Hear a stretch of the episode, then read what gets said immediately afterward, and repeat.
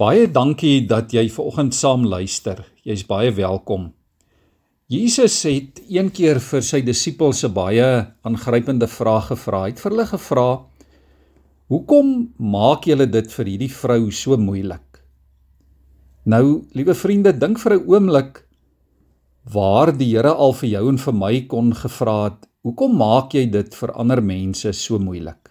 Ek dink elkeen van ons sou waarskynlik al 'n hele paar keer met 'n mond vol tande gestaan het want dit gebeur so dikwels dat ons dinge vir mekaar en vir ander moeilik maak. Byvoorbeeld wanneer ons te veel van mekaar verwag, wanneer ek wil hê ander moet dink soos wat ek dink. Wanneer ek ander veroordeel en beoordeel sonder dat ek hulle lewens verstaan of hulle storie ken wanneer ek meerderwaardig is en neerkyk op mense omdat hulle anders is en anders dink en optree en leef. Wanneer ek onnodig kwaad word, wanneer ek lelike dinge vir en van ander sê, of wanneer ek jaloers is en van ander skinder, wanneer ek ongeduldig is en hard en liefdeloos en wanneer ek weier om genadig te wees en te vergewe. En hierdie lys kan natuurlik vir oggend baie lank aanhou. Elkeen sal 'n paar dinge waarskynlik kan byvoeg. Jesus vra hierdie vraag in Matteus 26 vers 10 waar 'n vrou 'n hele fles kosbare reukolie op Jesus se kop uitgegooi het. Dit was 'n liefdesdaad wat hierdie vrou aan Jesus kom bewys het. Sy het letterlik haar beste gebring en dit vir Jesus kom offer. Sy het nie die koste ontsien van dit wat sy vir Jesus wou gee nie. Sy het moed bymekaar gemaak en deurgedruk al het sy geweet sy gaan veroordeel word. En die disippels was kwaad.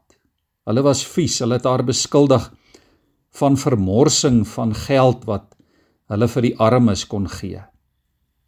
En toe sê Jesus, "Laat staan haar. Hoekom maak julle dit vir haar so moeilik?" As ons hierdie teks in die boodskap lees, dan hoor ons 'n bietjie meer van die gesindheid waarmee hulle vir haar aangevat het want hoor wat sê Jesus hy sê los haar waarom kraak julle haar so af?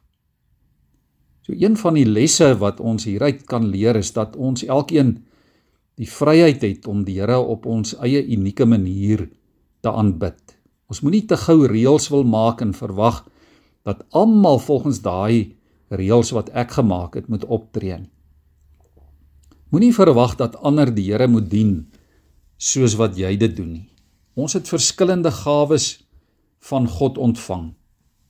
Moenie ander mense se toewyding aan die Here beoordeel of in twyfel trek omdat dit dalk van jou manier van aanbidding verskil nie.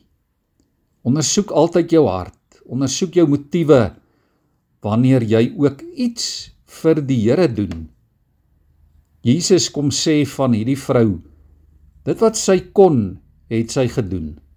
Sy het 'n goeie daad aan my bewys. Met ander woorde, sy het haarself gegee saam met hierdie olie. En wat sy gedoen het was 'n goeie daad aan Jesus.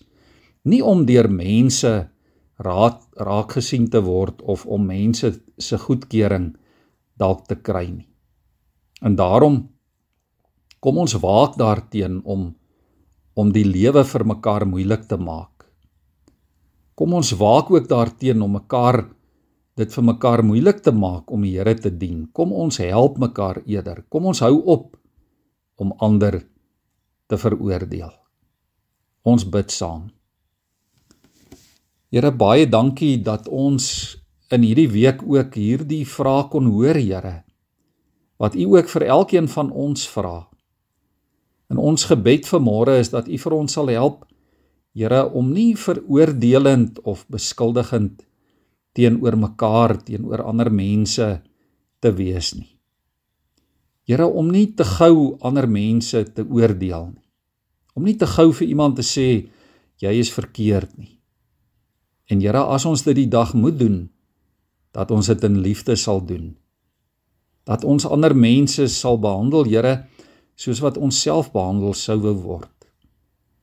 Help ons om dit wat verkeerd is uit te wys Maar Here help ons om dit te doen soos wat U dit sou doen.